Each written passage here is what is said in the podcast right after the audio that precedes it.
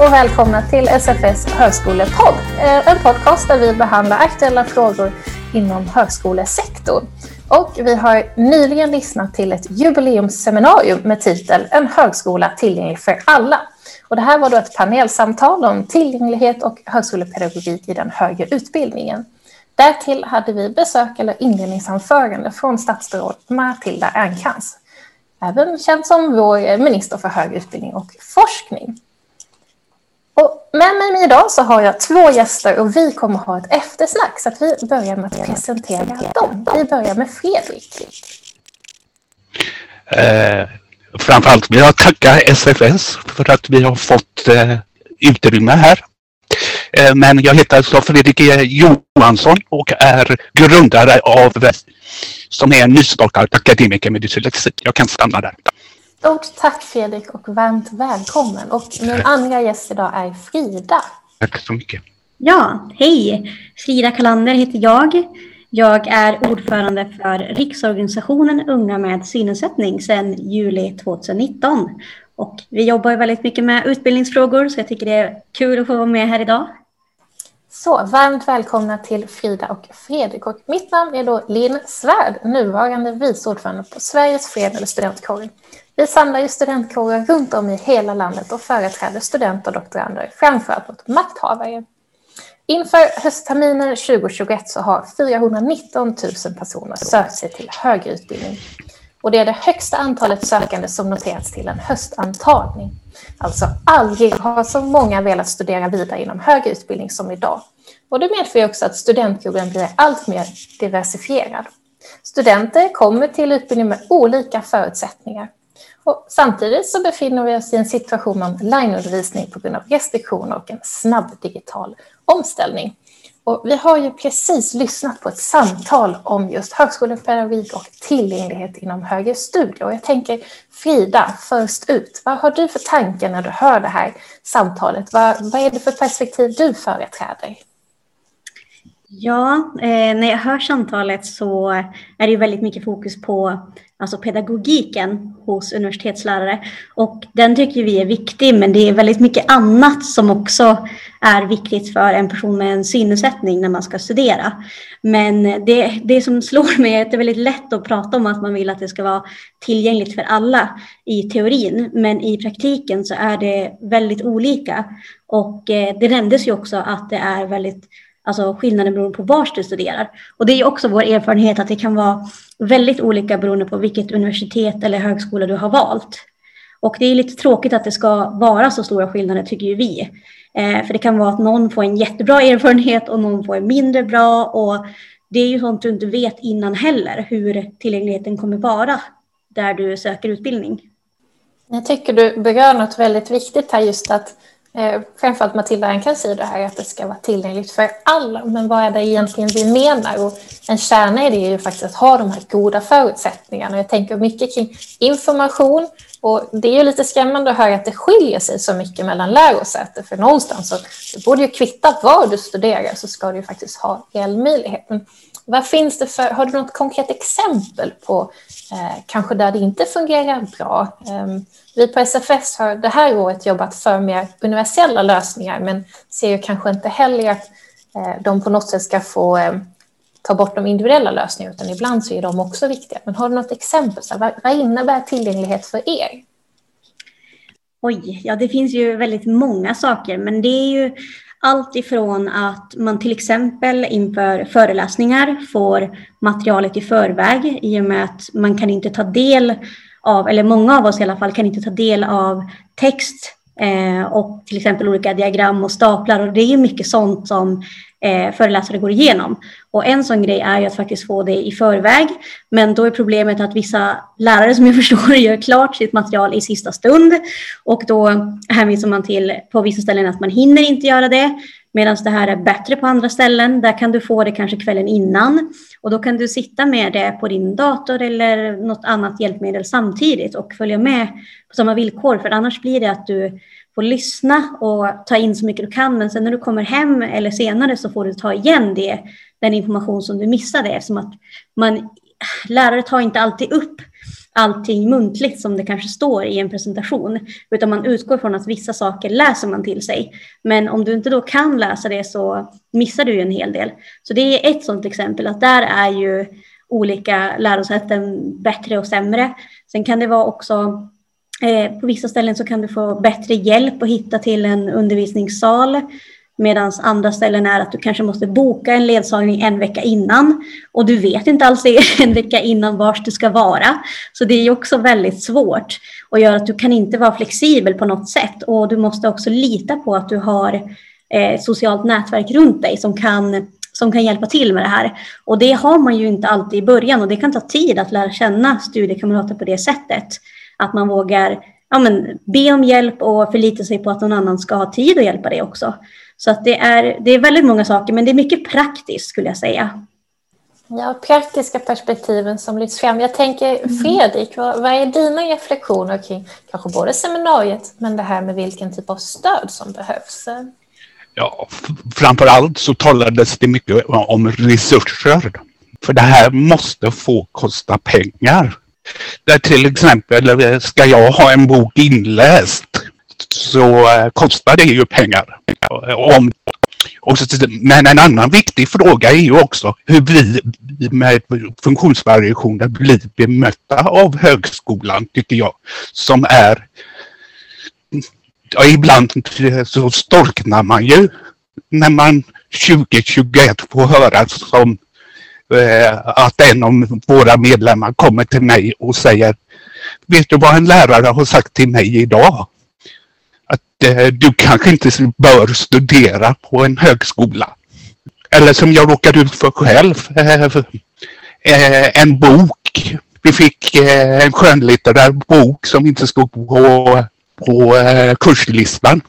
För mig då som behöver ha den inläst måste jag ha minst litteraturlistan. Att få litteraturlistan väldigt tidigt, det är alltså direkt avgörande för att man ska kunna få den inläst. För det tar tre till fyra veckor att få en kurslitteraturbok eller en bok inläst. Och det är de här, att man tar hänsyn till våra behov som är så viktiga och, och också att det finns det här var till och med en kurs i specialpedagogik detta hände i. Så att eh, jag sa till min kursansvarig där att eh, men ja, det står förvisso att det kan ingå vad heter det, skönlitterära texter i kursen. Men eh, ska jag bli exkluderad då? För att jag behöver den? Men nu löste vi det för att andra böcker var inlästa. Så att det, det, det är smidigt, men det är sådana här komplikationer som vi hela tiden kan få. Jag tänkte på det du inledde där med just den här känslan av att men vara välkomnad in i högskolan, att, att få studera och faktiskt att du ska ha lika mycket i att få studera på högre studier eh, om det är det du vill och är intresserad av. Det blir ju det är skräckenjagande att höra här att få, just få den meningen ska du verkligen vara student. Och det är ju inte någonting vi vill att någon ska utsättas för. Och det är ju ett allmänt, eller allmänt problem kanske inte, men ganska välkänt att många inte känner sig hemma i just högskolan. Och som Frida var inne på det här med att få en social kontext, att ha en, en studiegrupp att studera med. Och det, det kvittar ju vem du är som individ, så är det ju viktigt med ett socialt sammanhang och känna sig välkommen. Men Fredrik, du är inne här på, på resurser och på förutsättningarna. Är det, vad är det vi behöver se mer av? Ja, jag tycker att utifrån den gruppen jag representerar så är det viktigt att det finns utrymme att få tag i läraren, få kunna liksom menar, jag är direkt eh, det, heter det, behov av muntliga feedback. Till exempel, ja, ja, det är är väl helt okej okay att jag får underkänt på en examination eller någonting. Men jag kan till exempel inte till, tillgodogöra mig eh, så jag 100% förstår vad examinatorn eh, menar utan att få ställa frågor till examinatorn. Och det är sådana resurser som jag menar måste finnas. Att det ska finnas tid i lärarnas eh, arbete att kunna när vi kommer med vårt nice-besked så ska det vara självklart, jaha, då behöver jag avsätta en viss tid för Fredrik och andra och att de är medvetna om vad det betyder att ha dyslexi eller ha en synskada eller så det är också en brist många gånger. Det är ju att lärarna inte har förståelse för eh, oss med någon funktionsvariation alla gånger. Ja, just lärarna lyftes ju även fram i seminariet, hur, hur central roll de har. Att I vissa akademiska områden så ser vi att lärarens eh, tid allt mer går ner, att vi inte lägger så mycket på just mötet med studenten, det dess undervisningstid och hur viktigt det är att faktiskt ha just den här läraren som undervisar, som står där och pratar om kurslitteraturen och som problematiserar området. Och Frida, du var ju också lite inne på det här i att, att eh, läraren kan ju faktiskt kanske inte prata om allt, men du måste ju fortfarande få informationen. Eh, och att det kanske då handlar om att ha diskussioner med en lärare närvarande eller som startade. Tänkte lite liknande fråga till dig här om resurser. Vad, vad är det ni ser som är där det finns störst behov av till exempel ökade resurser då? Ja, eh, ja men jag håller med Fredrik mycket. Alltså, dels är det väldigt intressant för vi har ju samma, alltså, sam, ganska liknande behov som dyslektiker. Vi lyssnar ju också på vår litteratur i stor utsträckning.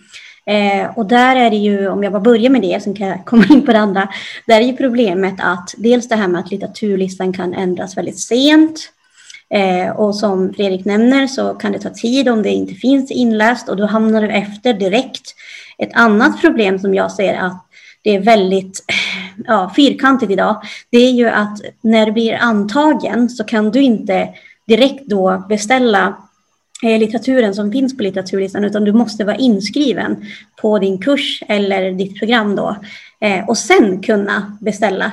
Och då har ju terminen redan startat så det är ju det är återigen, alltså man hamnar direkt efter alla andra som inte har behovet av att eh, lyssna på litteratur som kan ja, men, läsa den. Liksom. Eh, så där skulle ju vi vilja se att, man inte, att det ska räcka att man faktiskt blir antagen så att det finns en liten tid innan terminen startar. För då finns det ändå en chans att det kan hinna att man får sin litteratur i tid. Men det är liksom omöjligt att man kan få den i tid när man först får göra det den dagen du börjar. Då är man ju efter på en gång. Så det, det är ju också en resursfråga, att man, vi skulle vilja eh, att det faktiskt prioriteras. Och det skulle inte skada att få mer litteratur inläst oavsett om den här studenten ja, men väljer att påbörja utbildningen eller inte. Så vi tycker det är väldigt fyrkantigt som det är idag. Sen tror jag väldigt mycket på eh, som de pratar om här i webbinariet också och vi har pratat om, att eh, viljan finns ju oftast att vilja hjälpa till och göra det tillgängligt. Men om man inte får tiden eller resurserna till att faktiskt förbereda sina föreläsningar och prata med studenten, det är oftast ganska snabba byten mellan lärare. Eh, och då hinner man inte alltid tala om att, ja, men, sin historia och hej, jag har det här behovet och så. Eh, så att det, återigen, det är verkligen att de behöver få tid. Vi måste hinna prata med dem och förklara vårt behov och sen ska anpassningen också hinnas göras. Eh, så att det är, ja, det är ju verkligen en resursfråga att de, de måste få den tid de förtjänar för att faktiskt göra det bra för oss. För att annars kommer det aldrig att funka. Ja, jag vet att i även seminariet så lyfter bland annat eh, Klara från Stockholms universitet som forskar på högskolepedagogik just det här med samverkan. Och jag kan tänka mig om varje lärosäte ska läsa in det, ja då kanske det blir eh, långsamt och så här. Men de borde ju kunna samverka kring det här att om en kurslitteratur eller med en bok för den delen läses in, att det är fler som kan ta tillvara på den. Jag tänker, vi kan ju se högre utbildning i tre faser. Vi har den inledande i att vi söker oss till studier. Vi har den som är att vi faktiskt bedriver studier och sen händer det ju saker efter studien också. Och redan i då ansökan så stöter vi på problem. Jag tänker, Fredrik, hur ser du på ansökan till högre studier? Är det enkelt eller finns det svårigheter? Om du vill kommentera lite på det. Jag kan tycka så här ibland. Vi har mycket fina datasystem och sånt här. Men ändå så måste vi hela tiden uppge eh, att eh, vi har gått den och den utbildningen, vi har gått Så att ur rent tillgänglighetsperspektiv så menar jag att ansökningsprocessen kan göras mycket enklare. För att när du väl har gjort, som i mitt fall, eh, tre år på folkhögskola, du har, då är ju allt registrerat. Och de, istället för att sitta och fylla i det igen eller så borde man kunna lätt bara slå in sitt personnummer och, och så kommer det upp. Och det, det, det är oftast, ja det, det, kan vara en sån grej som på en dyslektiker att inte söka. Att i fylleriuppgifterna eh, och eh, sånt här. Så att eh, även om du har gjort i ordning dina gymnasiebetyg som må många gånger av våra medlemmar får börja med för att komma in på en högre utbildning. Så även jag. Så eh, möter man på det minsta lilla motståndet i eh, att fylla i så kan det väga över till att man inte söker.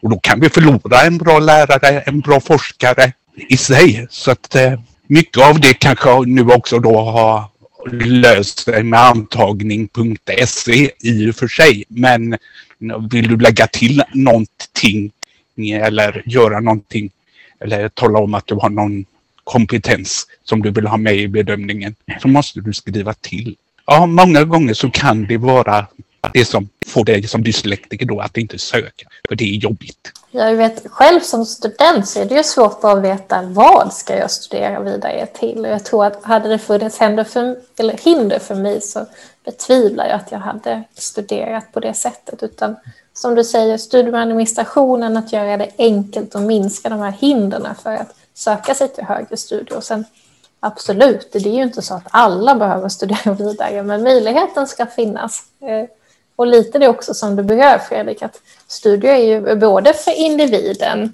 men också samhället. Och, och du kanske blir nästa stora forskare eller lärare, det vet vi ju inte. Tänker, Frida, hur, hur kände du kring när du sökte dig till högre studier? Var det några hinder eller var det enkelt? Ja, jag tänkte lyfta det här med att det är viktigt med tillgängliga webbsidor. Alltså, det är ju så man gör idag, mycket att man går in på ett universitets hemsida och läser vad det finns för utbildningar och så. Eh, och ja, det, det blir bättre, men det tar ju lång tid. Det är väldigt olika variation på hur pass tillgängliga webbsidorna är. Eh, och för mig så funkar det bra, men det är ju också väldigt olika vad man har för förutsättningar. Så jag tänker bara det att att eh, universitets och högskolors hemsidor ska funka bra är en grundförutsättning för att man ska kunna läsa på om utbildningar. Men till exempel med att det ska funka med talsyntes och, och så när man ska lyssna på sidan. Eh, och sen också när man ska söka utbildningen så är det viktigt att den sidan, som antagning.se då, att den är tillgänglig. För blir det för krångligt så kanske det också blir att du inte hinner ta hjälp i tid. För det är ju alltid ett stressmoment med att ha de här datumen. Att man ska ansöka senast ett datum. Och får du då inte till det och kanske inte har någon som kan hjälpa dig och du liksom är ute i sista minuten som det kan vara, så kan det faktiskt vara att du inte fixar det själv. Så jag tänker att grundförutsättningen för att vi, alltså vår målgrupp ska kunna söka utbildningar, det är ju att vi ska kunna ta till oss informationen och kunna använda de här plattformarna. Annars så är det ju väldigt svårt från början. Och då ställer jag samma fråga till eh, dig Fredrik eh, kring, eh, eller jag tänker, jag ändrar mig om det är så att du har någon reflektion eller reaktion på det som Frida nu sa om webbsidan och, och, och plattformen in. Självklart eh, så är även för min målgrupp då som jag jobbar med en talsyntes för att få eh, en viktig väg till att få en fördjupad kunskap om det som står där. Så att eh, jag delar helt Fridas bild av det här att informationsinhämtningen för oss med dyslexi är också baserad på en många, för många av oss, inte alla, men för många av oss att det finns tillgänglig på eh, hemsidor hemsida och, och sånt här. Så att, eh, där delar jag helt, helt Fridas eh, syn. Så att. Jag tänker, en annan del är ju, ni har varit inne på det båda kring det här med att få beviljat stöd och hur den handläggningen fungerar och att den faktiskt varierar mellan lärosäten men även då vem som ska besluta. Jag tänker, har ni några, vad skulle ni vilja se för förändringar kring det? För vi har varit inne på lite kring informationen och beskeden. Um, vad är det som krävs? Är det något nationellt enhetligt system? Eller har ni några tankar kring det specifikt? Jag tänker vi kan börja med Frida kring just att då få beviljat stöd. Ja, fundera lite. Det var, det var en bra fråga. Eh, alltså jag tänker dels är det ju viktigt att, eh, att man får hjälp med hur man ska söka det här stödet. För det är det första gången du ska studera så vet du inte ens att du behöver fylla i formulär och blanketter för att få det. För alltså till skillnad mot grundskolan och gymnasiet så flyter ju sånt på väldigt lätt. Eh, du får det ganska automatiskt. Eh, men på, när du kommer upp till högstudier så måste du börja söka saker väldigt mycket själv. Det hamnar på dig som individ mycket mer. Eh, så där tänker jag att eh, vissa universitet och högskolor har ju så kallade funktionshindersamordnare som man kan kontakta. Det gjorde jag inför att jag skulle börja plugga. Och tack vare den hjälpen så fick jag sedan veta hur jag skulle söka om det här stödet. Eh, så jag tänker att det är ju en det är ju grundförutsättning att det ska finnas någon som kan hjälpa dig. För att har du studerat tidigare så vet du oftast om det här. Då är man lite inne i systemet eller vad man ska säga. Eh, men annars så vet man inte om att man kanske behöver ett läkarintyg till exempel för att styrka någonting eh, och så vidare. Och att det här ska göras innan du börjar studera, för annars hamnar du efter igen. Eh, så jag tänker att de här samordnarna tycker jag har en väldigt viktig roll för att de ska kunna hjälpa studenten och ta fram vad man behöver och också tala om att det finns olika slags stöd. Eh, så det tänker jag är en, ja, en viktig grundsten. Och för dig Fredrik, är det liknande hos kanske dig privat också om det var så att du var i kontakt med en specifik person som informerade eller hur gick du tillväg? Nu har jag studerat så länge så att jag är rätt medveten om eh, hur det går till. Men jag studerar nu på Högskolan Väst eh, och vi har ju samordnare då som vi eh, kontaktar. Men så är, jag är så medveten så att jag, jag, jag, om man ser på mitt perspektiv utifrån Fredrik då, så eh, vet jag ju att jag, jag har till och med en speciell mapp där jag har alla intygen som jag behöver så att bara skanna och skicka in. Men eh, generellt så tror jag att information om detta kanske tar hjälp av oss inom eh, funktionsrätt Sverige-rörelsen, helt enkelt alla. Eh, våran gemensamma organisation helt enkelt för att få ut kunskapen. För precis som Frida säger, då har vi det här stereotypa igen att har du inte lämnat in ditt intyg eh, även om de har träffat, eller läraren har träffat dig, så får de inte ge dig det stödet som du behöver. Utan du måste ha fyllt i och lämnat in ditt intyg. Jag har faktiskt råkat ut en gång för att de har gjort ett undantag på det. Och det är rätt nyligen, men det var också första gången. Jag ser till att vi får ut det redan innan vi börjar. För det är som Frida säger, så fort du inte har en information så kommer du efter i dina studier. Och ibland blir man så jagad så att man mår väldigt dåligt av det. Och du kan inte njuta av det häftiga att gå på en studentpub eller något och för att komma ifatt om hur du får hjälp och stöd är så grundläggande tror jag. Ja, nu fick vi ju lite tips här så att kontakta eh, antingen er inom funktionsrättsrörelsen eller då specifika handläggare på lärosäten. Jag tänker om vi går vidare till den då andra fasen som handlar mer om bedriva studier. Är det någonting ytterligare ni skulle vilja kommentera på det?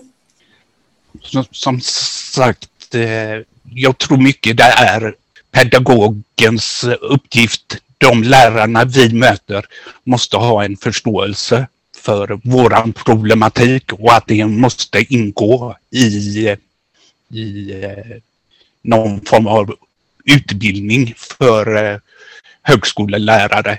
Att hur bemöter jag en med dyslexi, en som är synskadad, en som har ADHD eller ADHD. För det är ibland, ibland, jag har till och med varit med om nu som sint för några veckor sedan att en av mina lärare som inte förstod sig på mig satt tre rum emellan en, en lektor i specialpedagogik. Och de kan inte prata med varandra verkar det som. Jag menar, jag är ju, ju lärare själv. Jag byter ju erfarenheter med mina kollegor i lärarrummet. Men menar, det är också en det är att man finns kompetensen i huset. Varför inte utnyttja den? Det, det är ibland så, så känner jag ett i specialpedagogik med dem då. För du behöver inte kunna allt bara för att du är lektor i svenska språket eller någonting. Utan använd akademins möjligheter även som lärare helt enkelt.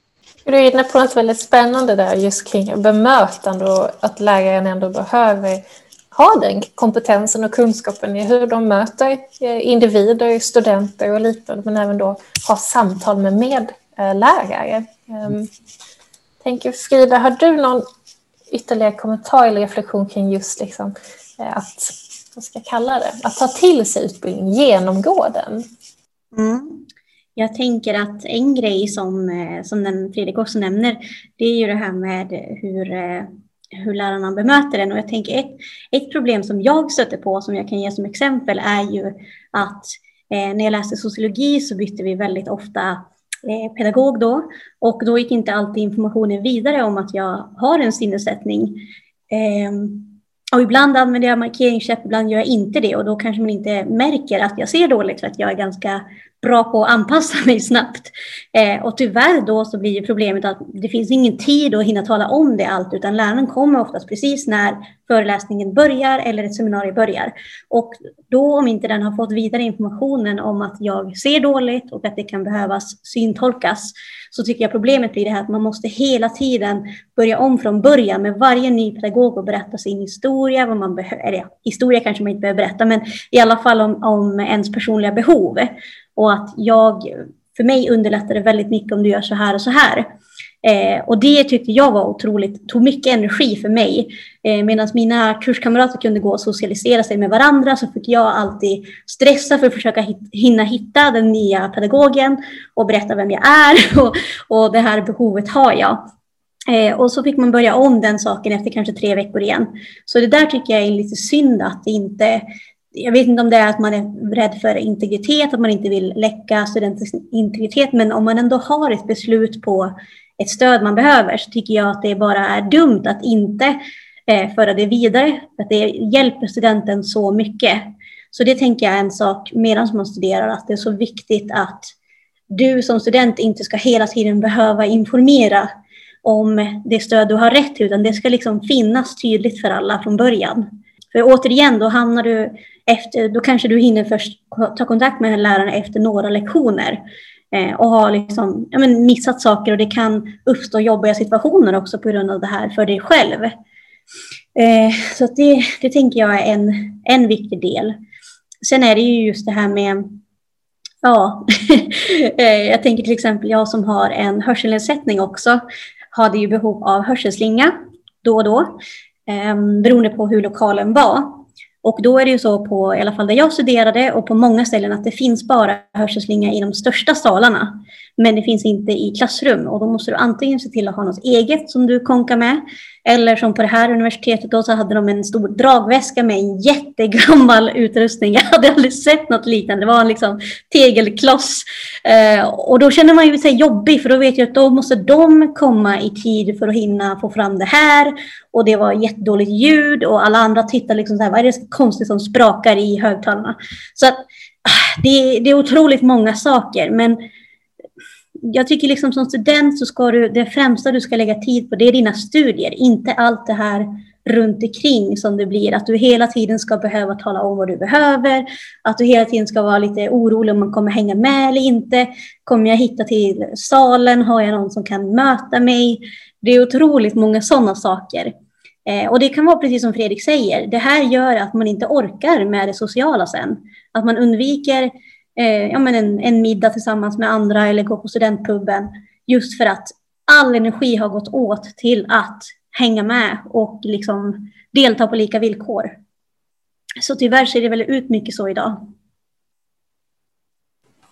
Ja, jag funderar själv på det här som eh, Matilda Ernkrans säger om är det verkligen så att alla har möjlighet till högre studier? Att då dels bli antagna men också ta sig igenom det och förhoppningsvis erlägga examen. Sen så finns det liksom eh, grejer efter examen också. Jag tänker om det är någonting där ni skulle vilja lägga till kring. För jag blir lite nyfiken. Finns det någon form av ambassadör eller liknande för just eh, ja, men, högre studier och liknande? Tänker om Fredrik kan få börja kommentera på vad som händer efter studierna.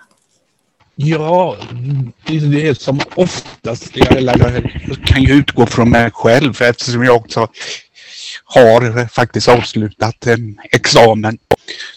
Så eh, oftast möts man ju trots att du har en examen med dig också fortsatt av ett motstånd tyvärr eh, så eh, allt från arbetsgivare som inte förstår att, eh, menar att jag kan för att jag har dyslexi men att nu har jag haft sån tur att jag har haft elever som har bekräftat mig. Jag är ju då folkhögskolelärare och håller på att utbilda mig till grundskollärare. Så att jag vet, men jag kan tänka mig att gå från studier till eh, en eh, yrkesbana sen. Det är också ett hinder där man också kanske bör få ut kunskap. För att eh, generellt så är, har vi ju blivit bedömda på samma sätt och ska ha samma kunskaper som de som inte har någon funktionsvariation. Men vi kan ha fått hjälp och stöd och hitta en, en annan väg att visa det för examinator och så. 2021 ett eh, missförstånd.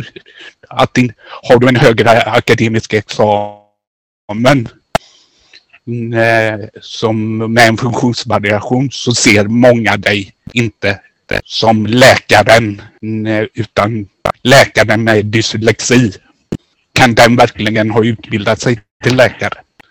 Tyvärr så är det så mycket fortfarande.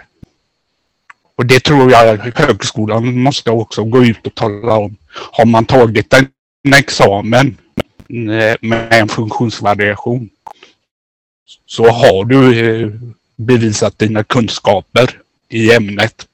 Mm. Tack! Tack Fredrik. Välvalda ord, givetvis. Den som har tagit sig an högre studier och även fått examen har ju fått en examen och har med det kunnat uppvisa att den har tagit sig igenom det, nått lärandemål och liknande. Jag tänker Frida, vad har du för reflektion om just det här, vad händer efter studierna? Ja, eh, jag tänker att arbetsmarknaden idag är väldigt tuff i sig. Ehm, så det finns ju liksom inga, inga garantier tyvärr idag. Men jag tänker att har du en funktionsnedsättning så är en högre utbildning en hjälp på vägen. Att du ändå kan visa att du tagit dig igenom det. Ehm, men sen är det ju återigen, vi vet ju att många med synnedsättning ändå har svårt att få jobb fast man har en högre utbildning. Just på grund av fördomar, ehm, arbetsgivare som kanske tror att det blir väldigt mycket krångligare att anställa för att man behöver anpassningar, hjälpmedel och så vidare. Att man inte vet att det finns väldigt mycket system för det idag och att personen själv som anställd kan göra väldigt mycket på egen hand för att få sitt stöd. Men eh, ja, det är väl lite det jag tänker kring att det, ja, det, det är en svår fråga för att det, det är inte en självklarhet. Men eh, vi hoppas ju att det ska börja bli bättre. Men jag tänker efter pandemin också så visar det ju att det har inte blivit lättare med det här. Men eh, jag tänker att en examen i sig visar ju ändå på att man har haft en bra motivation under en tid och tagit sig igenom någonting. Så jag tycker att det bör också värderas. Men återigen, det beror på hur, hur arbetsgivare ser på din funktionsnedsättning också. Om de ser det som ett hinder enbart eller om de ser det som en tillgång. Tack. Är det någonting mer ni skulle vilja lägga till eller att vi diskuterar? Jag skulle bara vilja lägga till, det låter som det här är helt omöjligt för eh, personer med funktionsvariationer att studera. Det är det inte. Men det stora problemet det är att stödet och hjälpen är så ojämn över högskolesverige. Där bör vi fokusera debatten framöver eh, för att jämna ut att alla som har ett önskemål om att få gå en utbildning på en högskola och har uppnått betyg och kommit in oavsett eh, en funktionsvariation eller ej ska ha möjlighet att göra detta och, och få bidra på det sättet. Tack! Jag tycker också, jag håller helt med dig Fredrik, och det tycker jag är någonting om vi ska få önska någonting av SFS, att ni hjälper oss i den frågan och driver på. Att det inte ska få vara så himla stora skillnader. Ehm, jag tänker att precis som vem som helst så måste man få känna den här staden verkar spännande för mig och här skulle jag kunna tänka mig att bo och så vidare. Medan det idag kanske blir, mer blir att man måste tänka okej, okay, vars har de pratat gott om tillgängligheten? Vars har jag en chans att studera? Mer än att man faktiskt får ja, men den friheten som vem som helst att välja på ett annat sätt. Så jag håller helt med dig där Fredrik och det tycker jag är någonting som fortfarande behövs jobbas med hela tiden. För man kan tycka att vi har kommit väldigt långt, men det är fortfarande så olika. Och jag tycker inte att det ska få vara det, utan det måste få vara andra saker som styr ens intressen och inte bara hur mycket själva universitetet eller högskolan jobbar med sin tillgänglighet. Så ja, ja, jag delar helt det och tycker det är ett väldigt viktigt arbete. Tack Frida. Ett mycket bra medskick till oss på SFS att jobba vidare med den här frågan och just göra det möjligt med högre studier för alla. Vi har nu haft ett samtal med mig, Linn Svärd, Sveriges förenade studentkårer, tillsammans med Frida Karlander, ordförande för Ung Syn och Fredrik Johansson, Riksförbundet Akademiker med dyslexi. Och det här har just varit ett samtal om högre studier och tillgänglighetsfrågor. Den här podcasten och även övriga hittar ni på SFS hemsida och där poddar finns. Så jag vill säga stort tack till Frida och Fredrik som var med oss i det här eh, samtalet. Tack! Tack så mycket. Tack själv. Ansvarig utgivare Katarina Metsis.